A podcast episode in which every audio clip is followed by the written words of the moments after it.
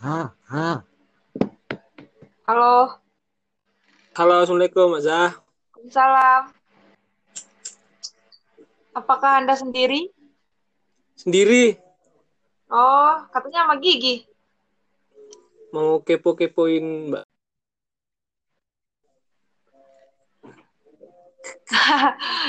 Gimana Ya. Gimana kok kabarnya? jelek ya? Alhamdulillah baik, masih dalam karantina mandiri. di mana, Mbak, karantinanya? Di rumah sendiri, aku karantina mandiri ini. Oh, alah. Iya, iya, iya. Mm-mm. 21 hari. Di Lombok ya, Mbak, sekarang? Kenapa? Di Lombok ya sekarang? Iya, betul. Lagi di Lombok. Oke, oke. Siap. Jadi ini mau kepo-kepo, Mbak. ini programnya apa namanya? Nggak ada program-programan. Program mandiri. Oke, baiklah. Itu, Mbak Zah. Aku itu penasaran. Mm-mm. Dulu itu Mbak Zara pertama-tama uh, masuk ke kesehatan masyarakat itu ceritanya gimana dulu kok bisa masuk ke Kesmas dengan segudang prestasinya asik. Eh, semuanya itu terjadi pas aku pas aku kuliah sih. Jadi sebenarnya eh, dulu SMA itu aku nggak pernah apa namanya mengenal organisasi, ikut OSIS pun aku nggak pernah. Dari SMP nggak pernah. Oh, ya, ya, ya. Apalagi Sama kalau gitu. eh, apalagi namanya prestasi. Aduh, nggak ada itu di riwayat hidupku nggak ada. Nah terus Kesmas itu dulu itu kan SMA itu aku pernah bisnis nih. Nah jadi aku nggak pernah bermimpi untuk masuk masuk di kesehatan ya. Nah Oh, Heeh, nah, ta- tapi melihat teman-temanku yang namanya SMA ya masih kebawa ke mana-mana gitu ya. Nah teman-temanku rata-rata ngambil kesehatan dong. Nah terus aku aku bingung ada nggak ya kesehatan tapi yang tidak mengobati, maksudnya yang tidak tidak bersentuhan dengan alat medis gitu kan? Nah ternyata aku direkomendasiin sama temanku. Ini ada nih yang berbau sama masyarakat. Nah aku kan suka banget tuh kalau yang berbau masyarakat. Akhirnya aku ambil itu dan itu aku nggak soalnya aku nggak pernah kenal si kesehatan masyarakat ini. Jadi aku benar-benar mengenal kesehatan masyarakat itu pas aku kuliah. Itu deh. oh gitu. Mm. Itu jalur apa, Mbak? Masuknya jalur corona. Enggak, enggak. Aku alhamdulillah senang PTN dan Kesmas Oh, yang pertama. oh pilihan pertama. Ya.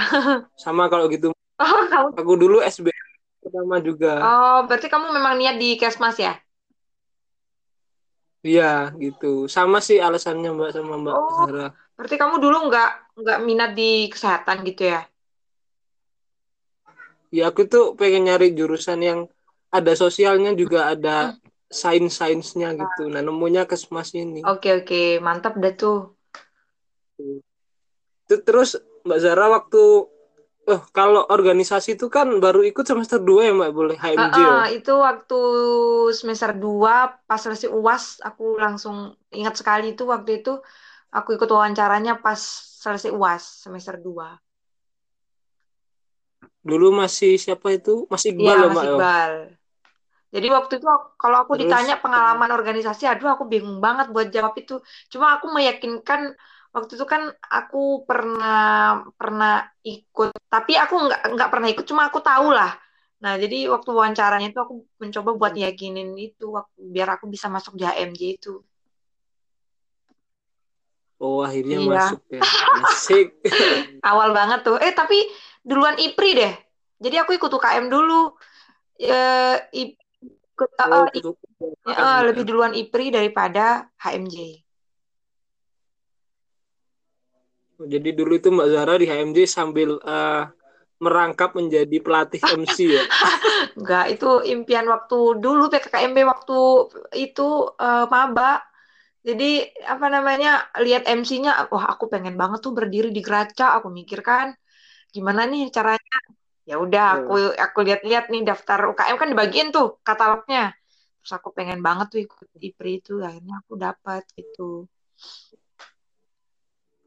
Eh bisa berdiri di Gracak sebagai cawapres. Asik. Aduh, Dulu aku lihat Iya mbak. apa? Gimana Dulu gimana? juga aku lihat itu waktu PKKMB kan lihat ketua BEM itu tuh kan berdiri di. Aduh aku pengen banget tuh berdiri di Geraca itu. Hmm. Ya sumpah, sumpah simpel sih impianku waktu waktu jadi mahasiswa itu pengen pegang piala, pengen pengen apa namanya, pengen jalan-jalan tapi nggak punya uang itu. Aduh, banyak banget impianku waktu kuliah. Iya iya. Terus berarti itu Mbak Zara itu nganggapnya itu organisasi itu sebagai sebagai kayak apa ya batu loncatan gitu ya Mbak ya, buat mencapai yang Mbak Zara mau gitu. Eh, bisa jadi sih, soalnya kan saya dulu itu benar-benar apa ya polos banget waktu maba itu. Jadi aku gimana caranya aku bisa Hmm. menyeimbangkan eh apa namanya antara akademik, organisasi sama prestasi gitu kan. Memang saya mulai itu memang benar-benar dari mulai semester 2. Kalau pres- prestasinya itu aku mencoba dari tiga empat lupa ya 2017 pokoknya. Itu udah. Oh, Mm-mm. Itu ah, Mbak Zara waktu maba semester 1 itu ya sama kayak maba semestinya gitu ya. Lagi fokus-fokusnya kuliah gitu Nah, ya. itu mungkin soalnya waktu itu kan aku asrama nih. Nah, jadi gimana ya? eh, Oh, Oh, oh, lingkungannya bagus gitu. ya. Mm-mm. Terus waktu kan Mbak Zara di HMJ kan dua periode tuh Iya. Mbak. Itu kesan-kesannya bagaimana? Eh, apa ya? Kan eh, alasan ya, alasan tetap di HMJ 2 tahun ya. Kenapa kok nggak naik langsung ke BEM gitu ya? Eh, eh, saya ingin memiliki organisasi yang memang dia related sama ini, sama jurusanku gitu. Oh. Mm-mm. Jadi saya tidak akan Cuman kehilangan itu Mbak biasa ya. ada kan aku ini di BEM kan Mbak. Heeh. Saya pernah wawancara itu salah satu apa anak kesmas yang angkatan 2019 kan daftar BEM Hmm. terus terkadang itu ada eh, ada mahasiswa itu yang pengen keluar dari zona nyamannya juga gitu loh Mbak. Jadi mereka itu sebenarnya mau daftar HMJ Kesmas terus saya tanyain kenapa kok nggak eh, ngedaftar di HMJ Kesmas tuh karena kebanyakan tuh bilangnya mereka itu pengen cari sesuatu yang di luar zona nyamannya gitu. Mungkin kalau Mbak Zara yang Mbak Zara ini uh, uh, apa ya tipe-tipe mahasiswa yang pengen kenal jurusannya dulu gitu. Mm-mm, memang. Iya kan setiap orang berbeda-beda ya. Ada yang targetnya, wah aku maba ini aku harus ikut ini, maba ini aku eh, harus ikut ini. Soalnya dulu waktu aku mm, maba itu, memang aku pengen daftar BEM juga kan. Tapi waktu itu ada cutting yang memang backup aku dari belakang. Maksudnya backup itu adalah aku selalu tanya, ini kalau ikut BEM ini ya wah serem banget dulu kalau kita bilang BEM itu serem banget gitu. Nah jadi Padahal padahal kagak. kagak anjir. Makanya aku waktu kagak aku mikir eh kayaknya kalau aku dulu daftar BEM aku bisa jamin diri aku pasti terima keterima aku mikir gitu kan nah terus eh jangan dulu deh eh, kamu tuh masih belajar. Nggak apa-apa kamu belajar dulu di HMJ nanti kalau memang kamu udah punya pengalaman baru kamu bisa yang ke yang lebih complicated yang lebih besar lagi gitu. Aku mikir oh ada baiknya deh. Kayaknya aku tetap di HMJ dulu deh gitu. Makanya aku nggak tertarik Oh, Iya. Berarti ada yang ada yang apa ya? Memberi masukan terlebih Nah, aku dahulu gitu ya, tanya-tanya sih dulu cutting jadi nggak nggak semata-mata dari eh, I have to be that nggak semuanya dari diriku gitu loh Oh, oke oke siap siap. ya Terus ini Mbak, kan ini apa teman-teman adik-adiknya Mbak Zara, adik-adik saya juga ya. Kan yang sedang menjabat sedang menjabat di HMJ nah itu pesan-pesannya dari Mbak Zahra ini selaku kakak tingkatnya eh, buat adik-adiknya organisasi apa ya, Mbak? Eh, pesannya adalah tetap mau berproses karena di mana-mana saya selalu katakan bahwa tidak ada yang namanya sarjana organisatoris tidak ada itu nah lalu mana kalian menemukan eh, jiwa organisatoris atau kepemimpinan atau leadership itu di ormawa-ormawa yang bakalan kalian tekuni seperti itu. Karena benar-benar kalian akan rasakan tidak akan kalian dapatkan bagaimana kalian itu memanajemen konflik, bagaimana Anda itu bisa mengenal orang, bagaimana Anda itu bisa bekerja sama tim, bagaimana Anda bisa lobbying dengan orang lain, itu kalian temukan di organisasi mahasiswa, bukan di kelas. Karena di kelas itu murni apa ya, hmm, ya akademik gitu loh. Nah jadi kalian akan menemukan itu di luar dari uh, jam akademik seperti itu. Iya, aku sepakat itu, Mbak.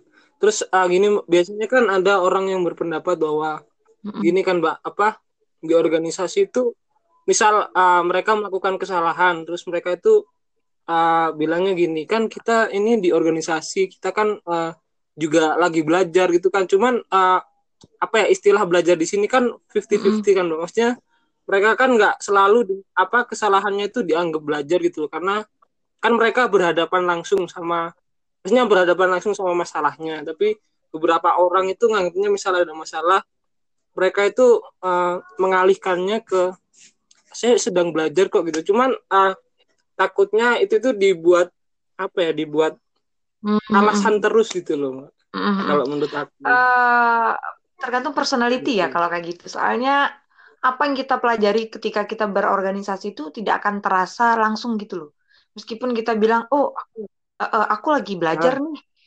Tapi secara tidak langsung kita mengatakan seperti itu juga nggak bakalan kerasa kamu itu sedang belajar, nggak bakalan kamu uh, nggak bakalan nah, kamu uh, petik hasilnya. Misalkan nih, aku aku HMG nih, terus habis itu aku langsung dapat nih pelajarannya enggak, nggak bakalan kalian dapatkan saat itu juga. Kalian bisa dapatkannya itu setelah kalian benar-benar benar-benar mengaplikasikannya. Misalkan nih contoh kecilnya ya ketika kalian KKN deh. KKN itu uh, kalian itu yeah. akan terlihat di sana orang yang memang benar-benar belajar ketika berorganisasi atau orang yang memang dia belajar hanya sebatas omongan. Omongan seperti yang tadi kamu bilang. Uh, ah aku nggak apa-apa dong aku salah kan aku lagi belajar. Nah itu beda. Itu bisa dibilang uh, dia memang meng hanya alibinya saja atau memang dia beneran belajar kayak gitu. Soalnya orang uh, orang yang memang yeah. dia beneran belajar berorganisasi dia tidak akan pernah merasakan oh dia itu, itu ada adalah alasannya untuk menutupi kesalahannya tidak. Jadi tidak akan terasa saat itu. Akan terasa ketika kalian mengaplikasikannya. Kayak gitu. Iya, masuk. Iya, ya, sepakat aku, Mbak. Jadi sebenarnya yang emang bener itu belajar yang emang bener-bener belajar mm -hmm. gitu ya mbak hmm. sip oke okay. terus waktu mbak Zara di HMJ itu udah ini ya mbak apa ikut-ikut lomba-lomba LKTI uh, gitu ya mbak tahun 2000 kan saya di HMJ 2017 dan 2018 ya ya sudah pokoknya aku Iya. Udah ikut uh -uh. lomba. Aku mulai itu tahun 2017 kalau yang lomba. Soalnya aku tipe orang yang tidak fokus di satu. Makanya aku tuh kalau orang ya, oh ya ini uh, organisatoris. Nah, udah jelas dia akan fokus di organisatorisnya. Oh ya ini dia di oh. uh, lomba. Tapi lombanya itu fokus satu. Lombanya misalkan jenis IC. Ya wis dia tekuni IC oh iya dia ini lombanya debat oh iya dia hmm. di, debaters oh ini dia uh, eh, LKTI oh LKTI aja gitu. Kalau aku enggak. Contohnya di di apa namanya pengalamanku oh ya debat aku ikut uh, apa namanya IC aku ikut LKTI aku ikut MC aku ikut. Debat kan bagian dari retorika yang di IPRI. Nah, nah, jadi aku bukan tipe orang yang bisa fokus di satu. Nah, jadi ketika aku sudah menggapai target itu, ya udah aku bakalan, aku nggak bakalan bisa puas di satu itu. Aku bakalan selalu penasaran uh, sampai aku dapat apa yang eh, sampai aku dapat jawabannya gitu loh. Kayak gitu. Oh iya. Paham paham. Dulu sering LKTI bareng kan? Apa? Bareng Mbak Ayu kan ya Mbak? Uh, Berangkatnya Mbak Ayu itu debat, debat. Nah, gitu kan. Debat kesehatan waktu. Uh. Oh, uh. oh yang di di, di, di mana di UTU? Oh, Oh, enggak, Sumatera di ya, aku belum pernah ke Sumatera. Di ini di Kalimantan. Dulu tuh, Heeh. oh iya, iya, iya. Sama, sama Iya. Mbak Ajit itu kan. Jadi aku tuh jarang banget lomba sama setim sama anak Kesmas ya, Dek. Soalnya aku lebih suka lintas sektor. Maksudnya lintas lintas disiplin. Oh, Heeh, iya, iya, gitu. paham, paham. Terus ini Mbak, aku mau tanya kan, eh, Mbak Zara ini kan juga maksudnya bisa dibilang kayak pemerhati LKTI ya. Ya, Iya.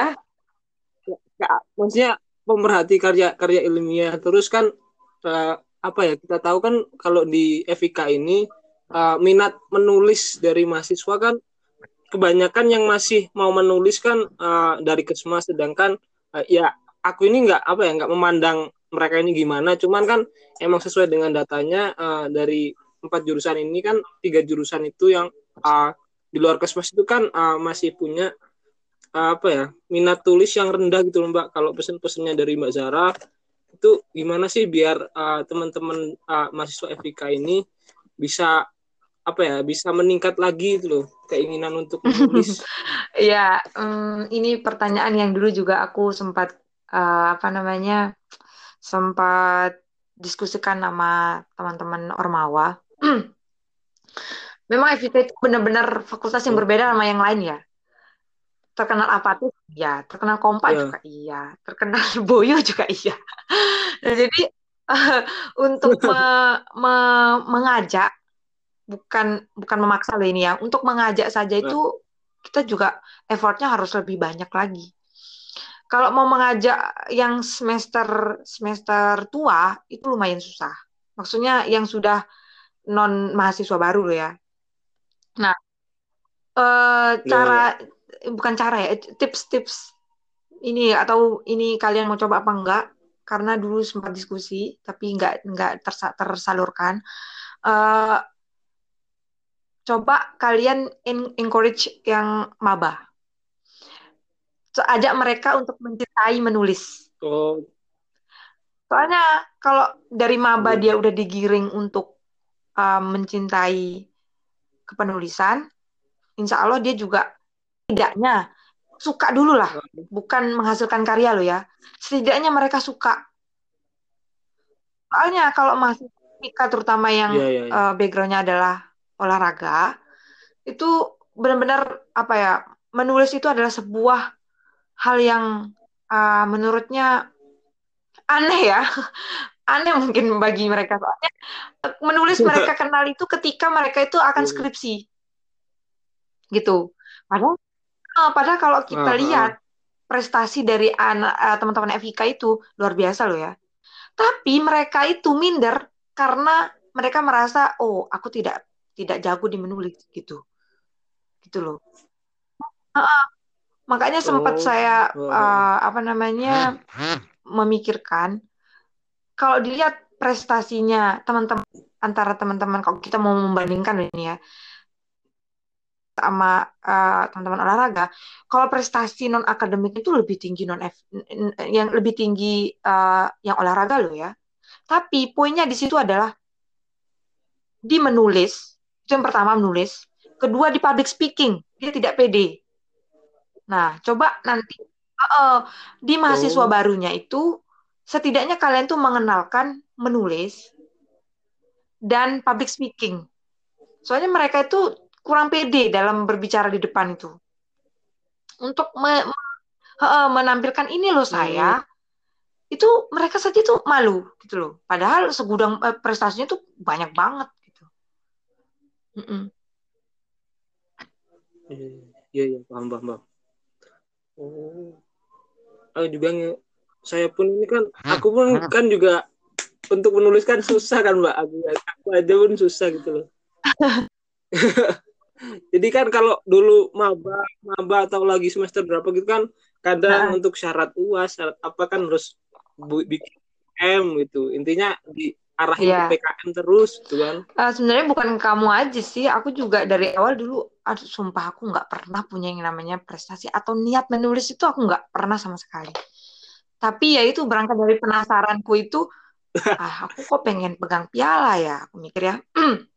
Nah lalu siapa yang bakalan bisa ngajarin aku siapa yang bakalan bisa aku gandeng? Gitu loh.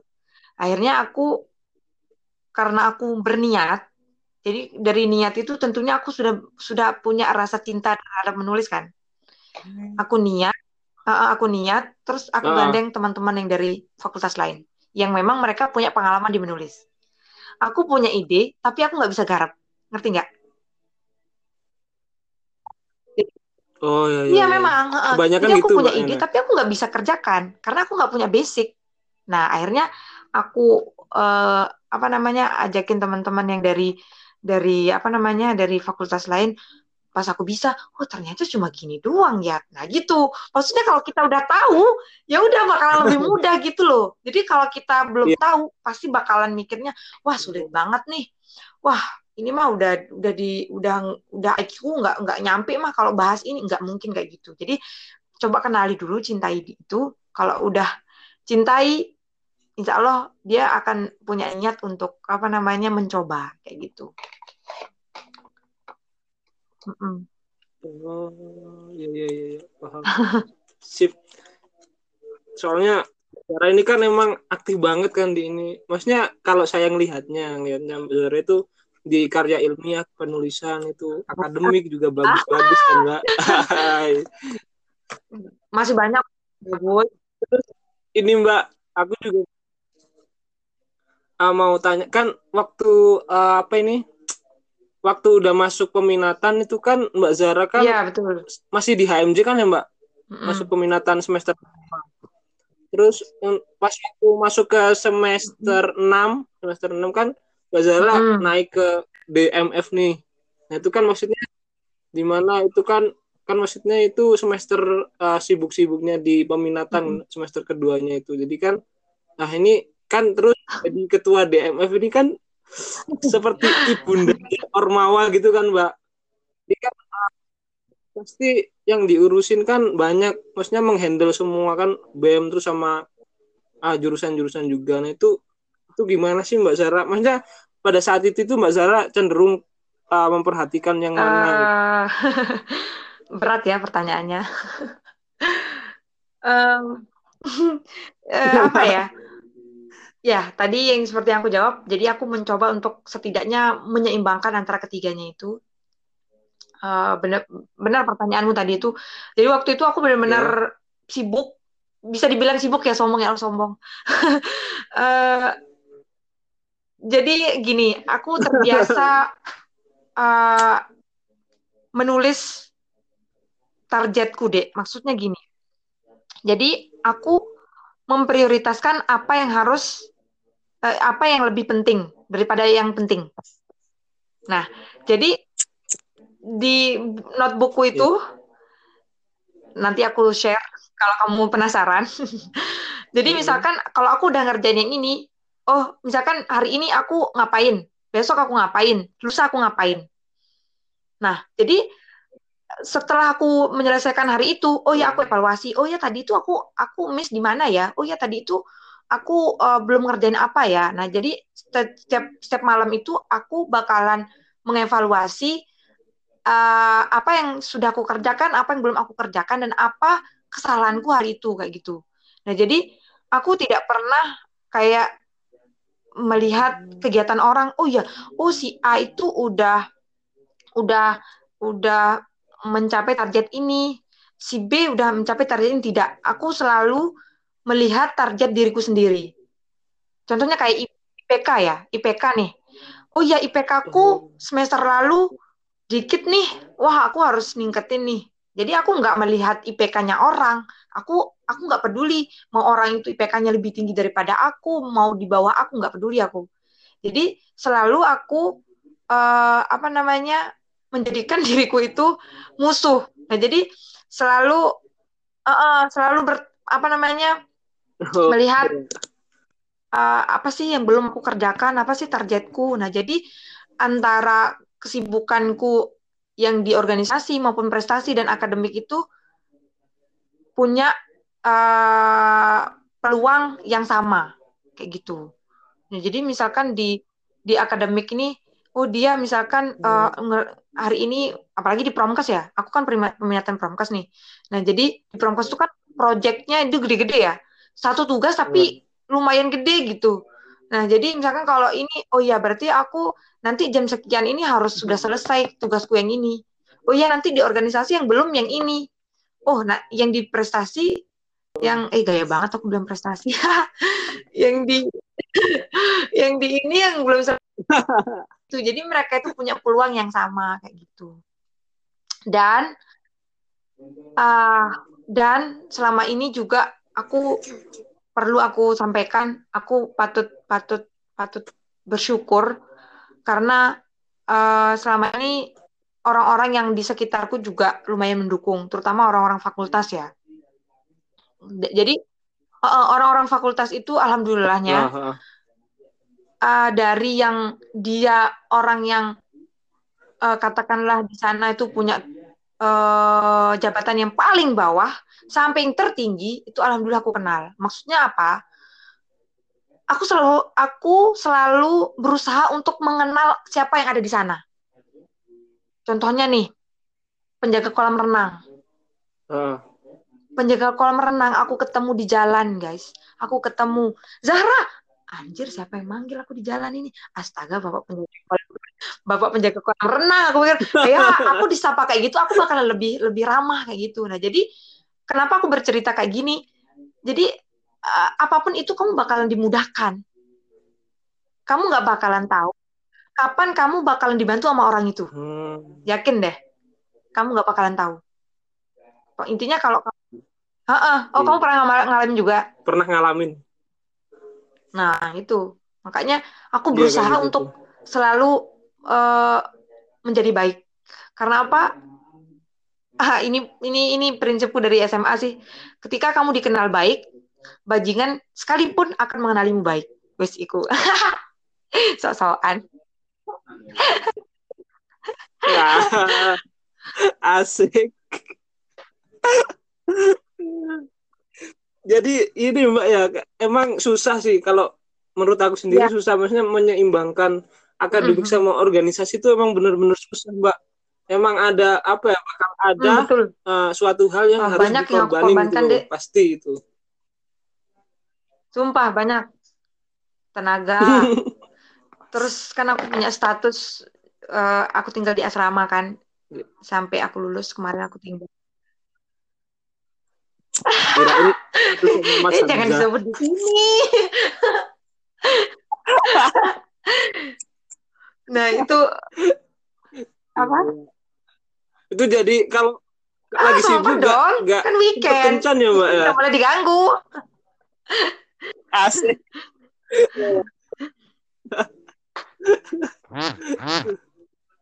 gitu.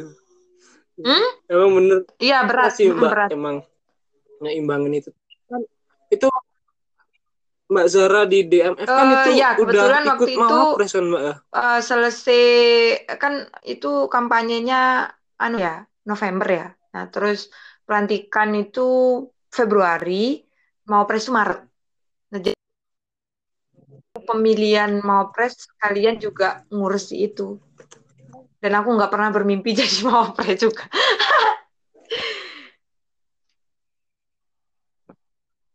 tapi keren loh mbak. Maksudnya apa ya jadi ini jadi ketua DMF terus uh, ikut mawapres juga kepilih di fakultas. Nah mbak itu maksudnya untuk tahapan mawapres ini kan hmm. kan terkadang orang kebanyakan orang kebanyakan mahasiswa itu misal ditawarin atau enggak gitu diajakin mawapres tuh mikirnya uh. aku kan nggak punya prestasi apa-apa gitu. Jadi kayak merasa mereka aku nggak bakal bisa jadi mawapres. Oh, mungkin aku kepe kepedean mungkin ya orangnya.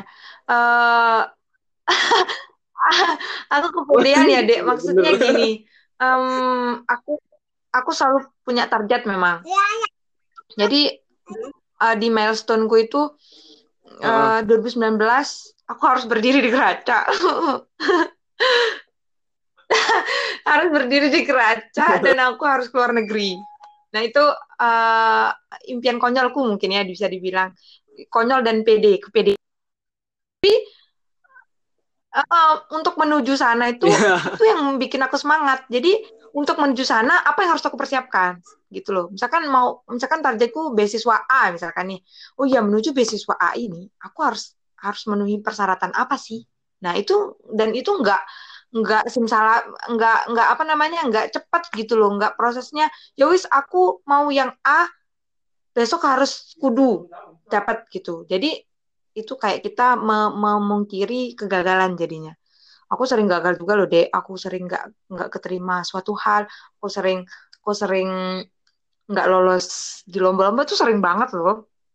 Jadi orang-orang melihatnya mungkin ya udah oh Zara ini wah oh, dia ini sering juara nih. Ya Allah itu aku udah sering gagal. Jadi aku mau ditolak sama siapa pun udah udah biasa udah kebal gitu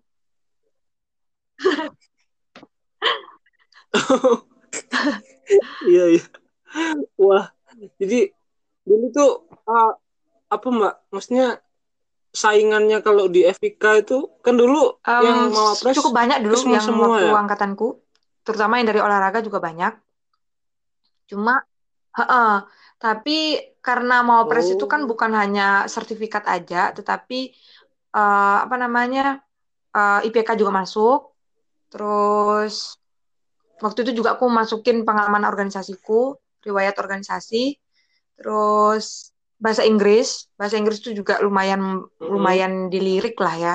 Soalnya kan public speaking. Soalnya uh, benar-benar apa namanya menunjukkan apa ya uh, your mouth shows your your attitude apa ya? Lupa aku ini. Pokoknya itu juga menjual gitu loh dek nah jadi uh, bagaimana anda itu how to how you you your behave how you think itu juga mempengaruhi gitu loh jadi bukan hanya uh, seberapa banyak kamu itu mempunyai sertifikat gitu loh oh, bukan uh -uh, jadi oh. uh -uh. banyak jadi banyak kriteria gitu aja, Mbak. Mm -mm. Hmm, ya, ya, ya. Apaan? Sangar sumpah sampean iku lah. itu kan di semester hmm. itu di semester 6 kan ya mau apres terus itu kalau semester oh, iya, kan betul, belum pen. masuk skripsian mm, kan masih pen ya mak ya uh, ya, enggak beda mungkin sih, soalnya kan di rasanya. angkatanmu mungkin dituntut untuk seminar proposal ya untuk medpennya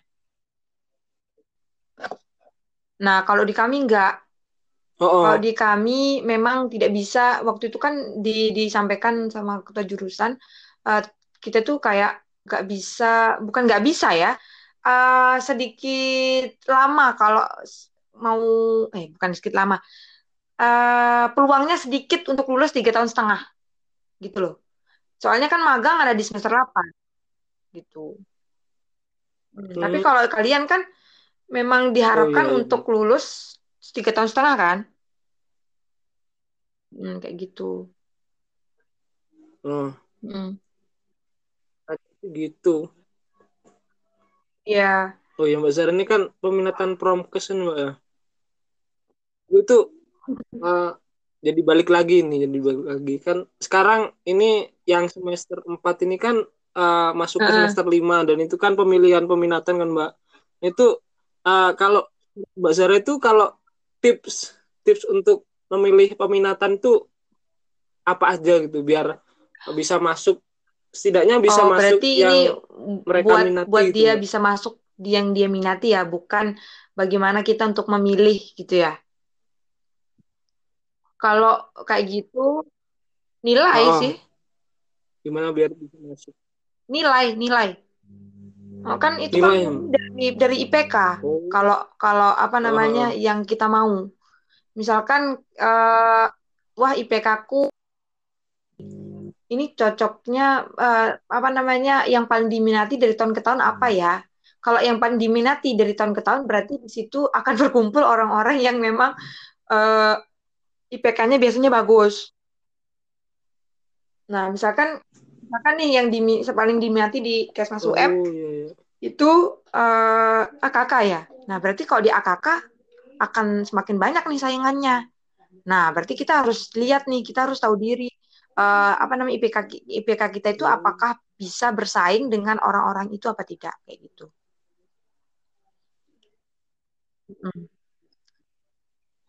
Hmm. Kalau aku dulu itu, mm aku kan dulu waktu milih peminatan itu kan nanya-nanya kan mbak. Terus aku itu nanya ke ini siapa Mbak Lian, Mbak Lian.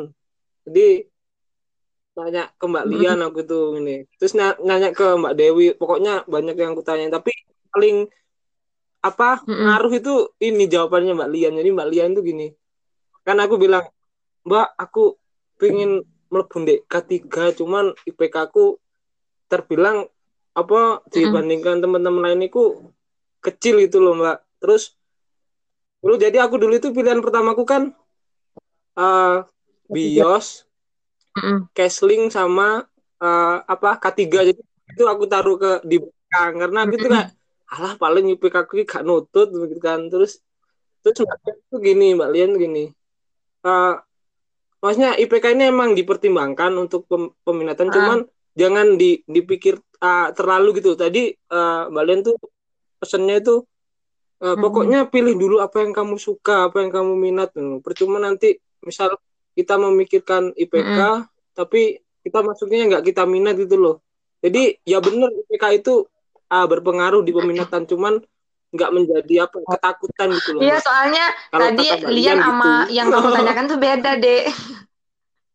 ya jelas kalau kalau kita yang yang mau kita pilih itu hmm. memang apa yang kita kan kita yang bakal menjalani nih. Ya jelas sesuai dengan apa yang kita mau. Itu kita taruh di peminatan itu. Tapi kalau main peluang-peluangan maksudnya uh, kita berpeluang di mana itu dan sesuai dengan apa yang kita mau ya udah kita kembali lagi kita bakalan lihat uh, eh, IPK kita. Karena selain IPK juga nanti nilai uh, nilai mata kuliah, kuliah wajib dari peminata, masing-masing peminatan itu juga akan berpengaruh. Misalkan nih, uh, kamu tadi akak, eh akak lagi, uh, bios, wrestling, sama ketiga.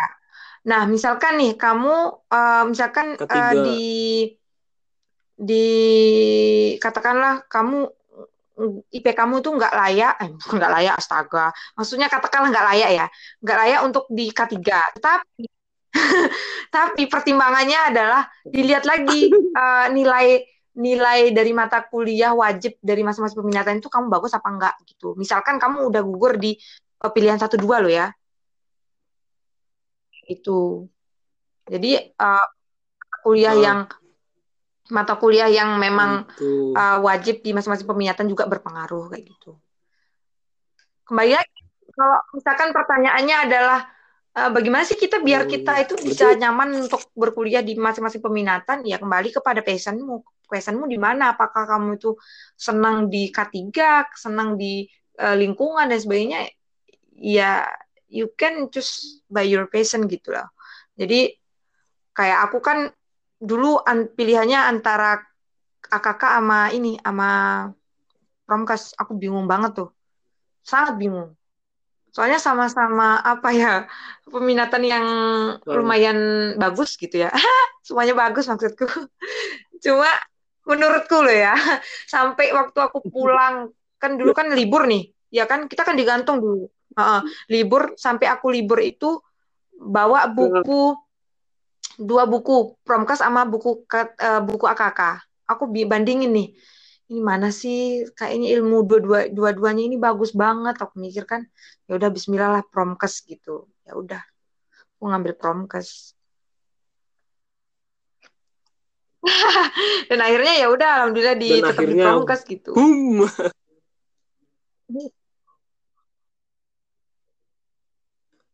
kalau ini kalau menurut Mbak Zara itu di dalam pemilihan apa ya kan tadi kalau misal Mbak Zara kan itu mm -hmm. uh, persepsinya kan dilihat dari cara kita melihat peluang.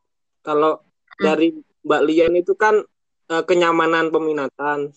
Terus kak kalau menurut Mbak Zara itu ada nggak unsur-unsur ke un, apa ya unsur-unsur hoki gitu Mbak dalam ada. peminatan? kan kan orang pin, orang cerdas ada bisa dikalahkan sama ya. orang hoki loh.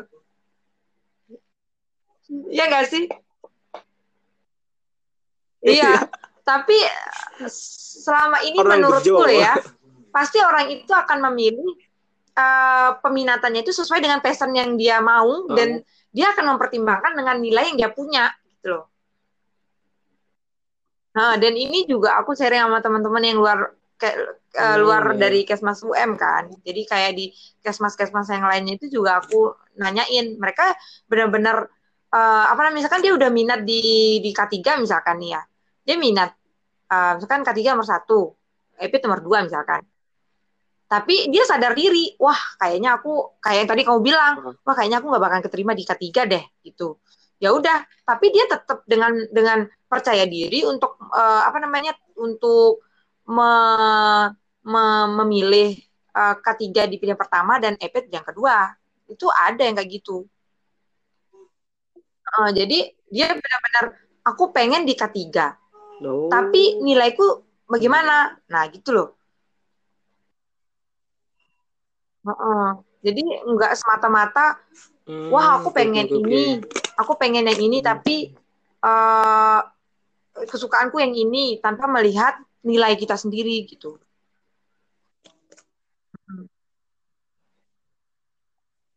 Oke, berarti emang nggak boleh ngasal ya mbak istilahnya. Uh, sama kayak ini sih, sama kayak ya nggak ini, kan uh, ya nggak direkomendasikan pada saat peminatan. Kan senam PTN berarti kan uh, kita, sama kayak saya kan, aku memilih hmm. kamu juga sih, aku memilih uh, kesmas. Nah berarti ada ketertarikanku di situ ya dan juga saya juga pede nih percaya diri oh sepertinya nilaiku uh -uh. Uh, uh, apa namanya kayaknya lumayan gitu loh nah berarti kalau kita udah percaya diri dan dibarengin dengan kita juga memiliki ketertarikan ya udah Bismillah tawakal nanti hoki dan tidaknya itu nanti yang ngatur udah ada yang ngatur gitu gitu Oh. Halo. Tadi keputus, ya. Mbak. Keputus. Oh, itu memang keputus sendiri atau memang dia itu batasnya cuma 40 menit gitu ya? Sendiri. Soalnya jaringanku kalau misal masuk-masuk ke jam segini itu biasanya agak-agak bermasalah. Oh. Nggak apa nanti ini uh, di ini di, di ini apa maksudnya di segmen lainnya. Oke. Okay. Tadi itu kan uh, bahas peminatan terus kira hmm. pesan-pesannya buat adik-adiknya mbak uh, pesan buat adik-adik yang mana nih yang ini yang mau masuk peminatan oh iya ya bentar lagi mau masuk peminatan ya hmm, jadi kita SKM itu tidak tidak dituntut untuk terkotak-kotak ya. Sebenarnya uh, peminatan itu untuk memudahkan kita skripsi sebenarnya. Nanti topik apa yang bakalan kalian ambil untuk skripsi uh, dan untuk S2 sebenarnya. Nanti kalian bakalan jadi ahli apa sih? Ahli kesehatan masyarakat di bidang apa gitu. Nah, jadi uh, jangan sampai kita itu uh, memiliki mindset bahwa oh ya, kita SKM kita terbagi menjadi delapan. Hello, sekarang itu sudah ada uh, apa namanya S1 Kesling, eh Tekling ya, Kesling. Pokoknya itu masing-masing itu sudah punya rumpun ilmu masing-masing. Nah, jadi kita itu nggak ada apa-apanya dibandingkan mereka yang memang S1 sudah fokus di uh, apa namanya uh, ilmunya masing-masing. Nah, jadi pesan pesanku uh, jangan sampai melupakan uh, tetap belajar. Nanti di semester 6 kalian bakalan ada namanya lintas minat. Jadi kalian bisa ngambil untuk memenuhi apa yang kalian ingin tahu. Yang sekiranya mata kuliah yang bisa dipelajari sendiri atau dibaca-baca itu kalian jangan ambil. Tapi kalau misalkan yang uh, mata kuliah memang kalian butuhkan untuk ke depannya silahkan diambil kayak gitu. Jadi peminatan silahkan kalian ambil sesuai dengan passion kalian sendiri. Jangan ada paksaan atau uh, kejanggalan ketika kalian memilih. Silahkan pilih sesuai dengan capabilities capable, capabilities kalian sendiri. Uh, perhatikan nilai kalian, perhatikan kenyamanan kalian dan passion kalian. Udah itu aja. Haha. Karena kan ini juga lama kan maksudnya bergelut di peminatannya kan mulai semester 6 sampai nanti skripsi kan yeah. di bidang itu terus kan Mbak ya. Uh-uh. Jadi harus menemukan kenyamanan dulu lah. Iya betul. uh Terus gitu. oke ini kan udah ini kan pesan-pesan buat yang apa semester tengah-tengah. Nah ini kan sekarang saya mau tanya yang yang semester semester saya ini mbak. Semangat ya. buat angkatan COVID. Jadi kan iya kan terkendala COVID juga no. Terus kan eh. dulu mbak itu waktu semester tujuh tujuh kan sempro kan mbak ya? Iya. Lebih semester tujuh itu sempro padahal dulu itu saya ngerasanya baru masuk kuliah loh mbak. Tiba-tiba mbak Zara ini udah sempro kok bisa sempronya bisa cepet gitu mbak? Itu tipsnya gimana mbak itu mbak? Uh, sebenarnya skripsi itu mudah loh dek. Mudah banget. Oh, mudah mudah nih iya mudah dek. Sumpah mudah. Kenapa saya bilang mudah? Apa sih skripsi itu? Skripsi itu bukan akhir bukan target hidup kalian yang final banget gitu loh jadi skripsi hmm. itu sebenarnya uh, aku berawal dari uh, apa yang aku mau, apa yang aku apa yang bikin aku penasaran. Apa yang, uh. tapi ini ilmiah loh ya. Jadi waktu itu kan aku penasaran uh, di kesehatan mental kan. Nah, uh, uh. tapi kalau kesehatan mental mesti penelitiannya itu lama. Kalau diambil secara perilaku. Nah, ya udah aku akhirnya ngambil di bagian ibu hamil perilaku ibu hamil ketika dia merasakan kecemasan. Perilaku mereka itu ke mana sih? Apakah mereka itu ke guru spiritual? Apakah mereka itu ke ke non tenaga kesehatan? Atau mereka itu ke, tenaga kesehatan kan? Nah berarti aku sudah punya poin aku suka di kesehatan mental gitu. Temanya seperti itu. Nah berarti Topiknya. kalau kita udah suka ada masalahnya kan selama ini eh, pelayanan kesehatan mental itu saya rasa masih sangat minim ya di Indonesia, sangat minim. Padahal yang digaung-gaungkan uh. itu kan layanan kesehatan fisik. Nah, semakin penasaran aku kan. Uh. Nah, akhirnya uh, yang bikin kalian ribet itu sebenarnya, oh ya aku memulainya. Nah, sebenarnya kalau poinnya kalau skripsi itu metode uh, temanya apa, masalahnya apa. Kalau udah ada masalahnya, baru kalian tentukan metode apa yang bakalan kalian pakai. Hmm. Nanti di eh, di bab 2 metode peneliti eh daftar tinjam pusaka itu mengikuti dek, mengikuti. Jadi tinjam pusaka itu kalian carilah penelitian orang-orang. Kalau misalkan tidak ada di Indonesia, oh. cari di, di di luar negeri. Aku tuh kebanyakan bisa dikatakan 80% tuh uh, dari luar negeri semuanya jurnalku. Nah, jadi itu aku translate lagi. translate ke bahasa Indonesia baru aku parafrase. Nah, hmm. nah jadi kamu tuh harus punya target. Misalkan nih, oh iya aku harus selesai bab satu di minggu ini. Ah. Uh, terus bab dua di minggu kapan, bab tiga minggu kapan. Udah kayak gitu. Dan jangan lupa kalian konsultasi sebanyak-banyaknya sampai dosen dosenmu sebel. aku tuh dosenku sampai sebel loh. Apa? Pembimbingnya siapa sampean? Aku alhamdulillah Bu Rati sama Pak Sabto. Oh, iya iya iya. Ya. Alhamdulillah Pak Sabto. Terima kasih yang Pak Sabto terkenal lama balas chat. Alhamdulillah chat saya selalu dibalas. Terima kasih. Ya. sama dekan ganteng. Iya ya Allah gantengnya. Nah itu alhamdulillah uh, beliau sangat uh, keduanya Bu Rati sama Pak Sabto alhamdulillah sematch gitu. Sama sama penelitianku juga penelitianku juga match gitu. Pokoknya oh, intinya jadi, jangan oh, ya gimana? Berarti maksudnya biar sama-sama enaknya gitu misal uh, uh, uh, uh. Pokoknya intinya apa pun itu kalian misalkan bimbingan ya hari ini. Pasti ada revisi uh. kan? Gak mungkin gak ada revisi. iya, aku iya, juga iya. aku ujian aja revisinya banyak. Nah, kamu bimbingan hari ini, revisi, malamnya itu kamu langsung kerjakan, jangan sampai ditunda. Kalau ditunda ya Allah, kamu bakalan kehilangan arah, kamu bakalan males, dan itu terjadi sama diriku loh. Bayangin, aku aku Bahkan revisi. Mbak Zara aja yang sebenarnya cepet ya. Iya betul, ha, betul. Seharusnya kan aku itu sidang itu sebenarnya aku sidang itu uh, sampai dulu itu aku ditawarin buat lulus tiga tahun setengah alhamdulillah cuma uh, gara-gara aku ngambil di rumah sakit yang memang lama prosedurnya akhirnya itu yang bikin lama nah jadinya dan juga aku revisinya yang lama guys Maksudnya Hmm, kan aku waktu itu kan selesai sempro aku jalan-jalan kan. Nah, asik. selesai eh, selesai itu ini terbuai, malas dan kamu untuk memulainya lagi itu sangat sulit. Jadi saranku kalau kamu bimbingan langsung dikerjakan. Besoknya lagi kamu bimbingan nggak apa-apa. Aku biasanya kayak gitu. Dosenku sampai bim- sampai sebel sama aku. Zara terus yang bimbingan katanya. Sumpah. Tapi mau gimana lagi ya? Soalnya greget gitu loh, Dek. Kalau salah sedikit, aduh greget banget sumpah.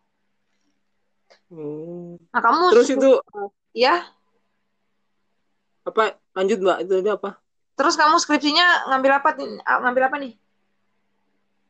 Aku ngambil ini mbak, stres kerja. Wih, mantap nih. Kamu mau data stres nggak? Aku punya banyak.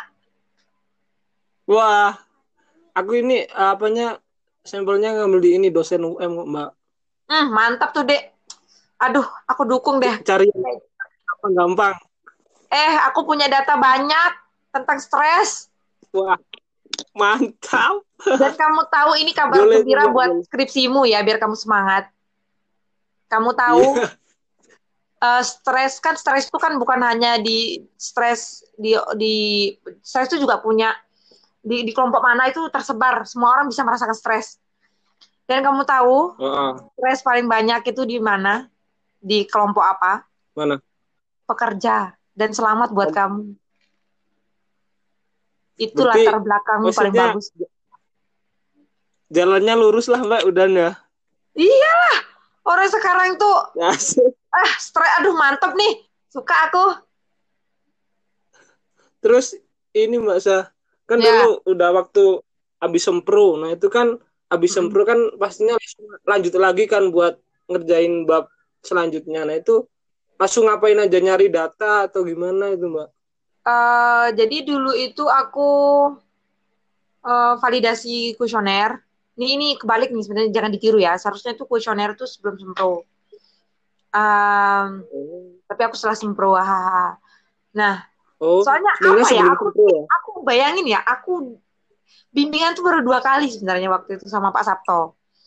Nah, tapi Oh. sama Bu Rati yang sering.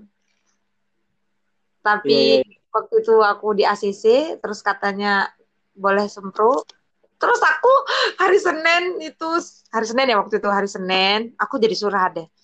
Hari Senin, hari Senin dibilang boleh. Oh ya Pak, aku besok sempro ya, gitu.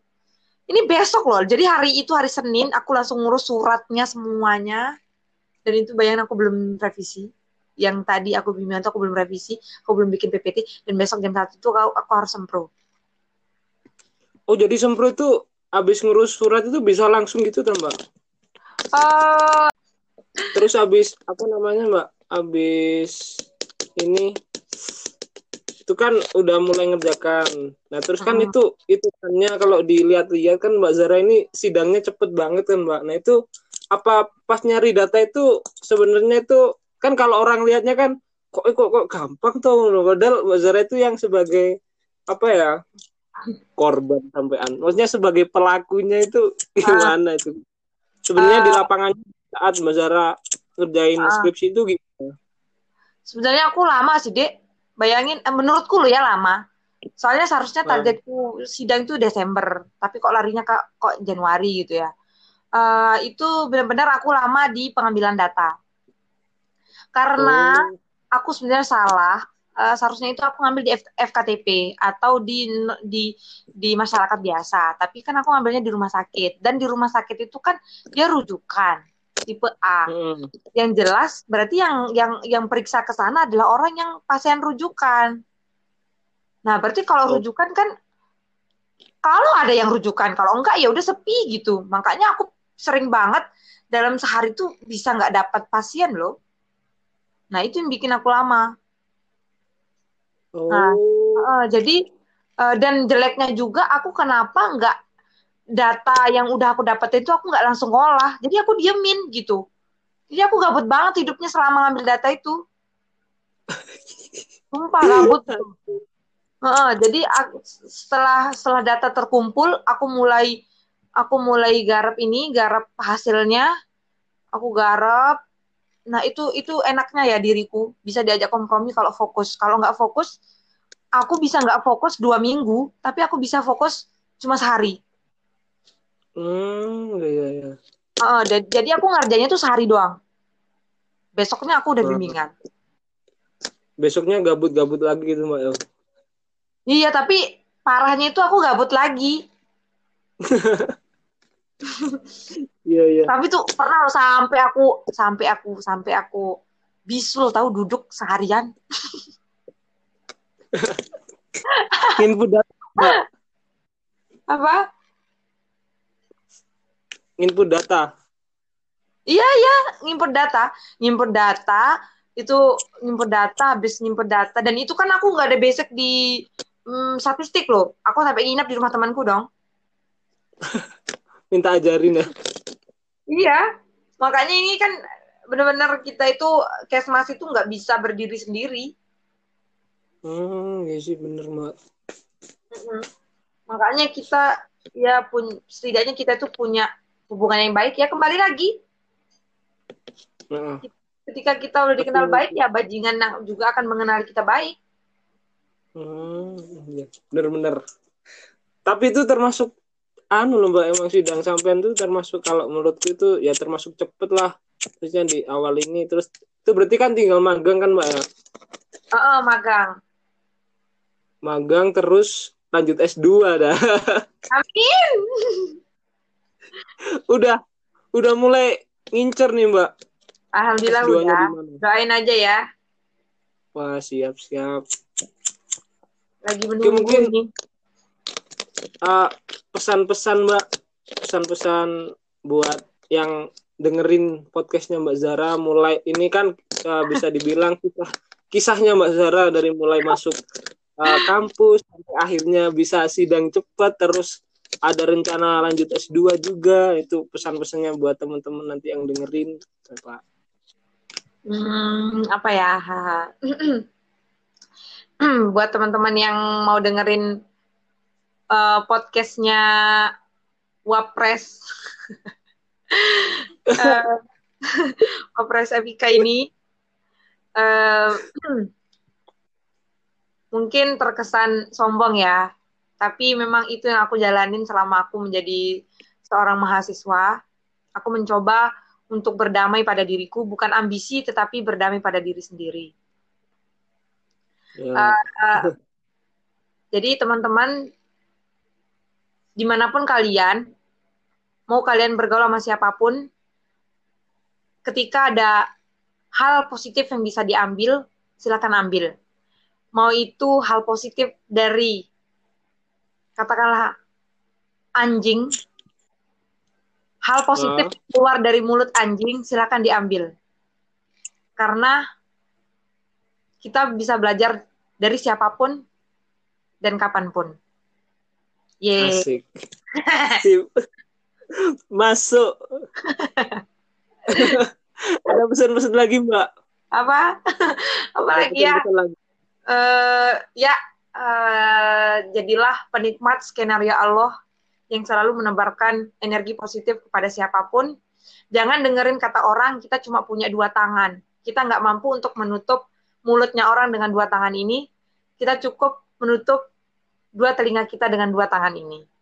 Jangan dengerin mereka. Jangan dengerin mereka. Kok aku jadi tiba-tiba kayak anu ya, kayak motivator yang sok ya.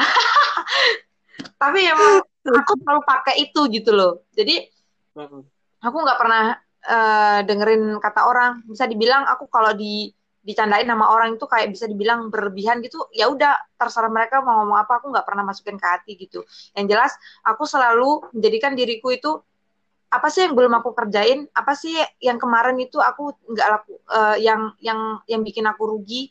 Ya udah hari ini aku nggak boleh rugi. Apa sih targetku tahun depan? Terus bagaimana sih cara menggapai target tahun depan itu? Jadi kita bisa mungkin kita bisa bisa hidup tanpa nasi selama 40 hari. Atau kita bisa uh, hidup tanpa air minum selama 30 hari. Atau bahkan kita bisa uh, hidup tanpa napas selama 10 hari tapi kita tidak bisa hidup tanpa harapan dan target dan tujuan hidup kita selama satu detik. Jadi setiap orang itu pasti akan berubah pikirannya. Jadi tetapkan tetapkan tujuan kalian, tetapkan tuju, uh, tujuan hidup kalian. Ketika kalian malas, ingatlah tujuan hidupnya. Hehehe. Wah. Siap, makasih Mbak Zara. Oke. Okay. Terima kasih, makasih juga. Udah, Terima kasih juga Danu sudah dengerin curhatan aku. Siap. Terima kasih mengeluangkan ya. uh, ini waktunya buat bercerita kisahnya mulai pertama masuk sampai ini udah mau apa mau lanjut S2 juga. Makasih banyak buat waktunya Mbak Zah. Lain ya. kali kalau ada kan kita uh, podcastan lagi bahas-bahas topik yang lain. Oke, siap. Semangat ya skripsinya. Yo, Mbak Zara. Salam mama yang lainnya juga. Siap. Mbak Zah. Oke. Okay. Salam.